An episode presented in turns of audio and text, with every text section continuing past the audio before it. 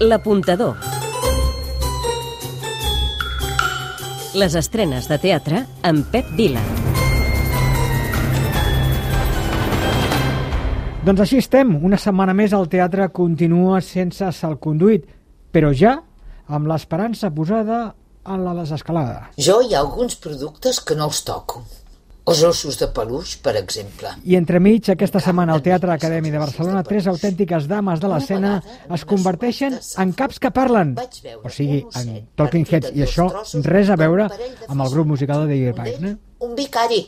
L'aposta de l'apuntador. Tres motius per veure-la. Confitura i melmelada. El primer, Per veure com funciona l'adaptació d'aquests populars monòlegs escrits pel guionista, novel·lista i actor Alan Bennett, originàriament per la BBC, entre els anys 80 i 90.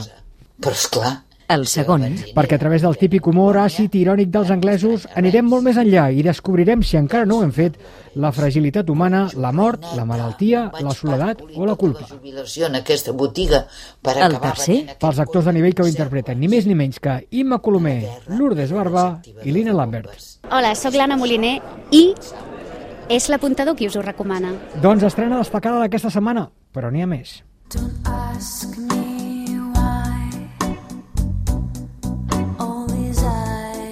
La lleugeresa i altres cançons. Sala Atrium. Ivan Benet a la direcció. De fet, debut com a director de l'actor usonenc, que també ha escrit la història d'una infermera, l'Aida Uset, que deixa la feina i tancada a casa seva es mira al mirall i no es reconeix. Es tracta d'un diàleg interior que, a través de les cançons, li permetrà a la dona lleugerir la seva condició d'animal hipermodern. Eu sei que vou te amar. Les canciones. Teatre lliure.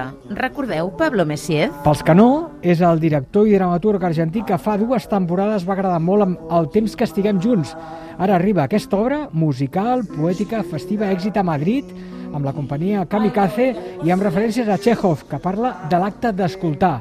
Escoltar la música i escoltar allò que tot ho transforma. Te voy a enseñar modales con autoridad. Madre, ¿me dejas romperle el hocico? Te lo prohíbo.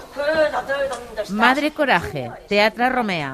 Contra la guerra. I no solament contra la guerra, sinó també contra els que aposten per un sistema de vida basat en els diners sacrificant la resta. L'obra també interroga l'espectador per les opcions que prendria en una crisi com la que vivim. És un clàssic de Bertolt Brecht, més vigent que mai, interpretat per la companyia sevillana Atalaya.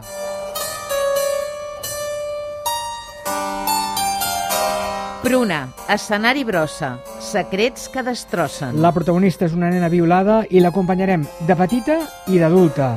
L'obra de Caral Riera, interpretada per Anabel Castan i Laura Calvet, i últim Premi Adrià Gual de l'Institut de Teatre, és fruit d'una recerca de materials sobre abusos infantils. M'és imprescindible per revifar-me i per mantenir el contacte amb el món.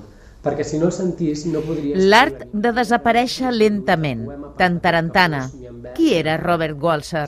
Tres performers intenten resoldre els interrogants al voltant de la figura d'aquest autor suís, una de les veus més singulars i inclassificables del segle XX. És una aproximació poètica, en forma d'investigació, a través dels interrogants que va deixar, quan un dia gaudeix del dinar en companyia dels pacients del centre psiquiàtric, surt a passejar i potser ja no torna. Sempre tenim raó? Gaudí.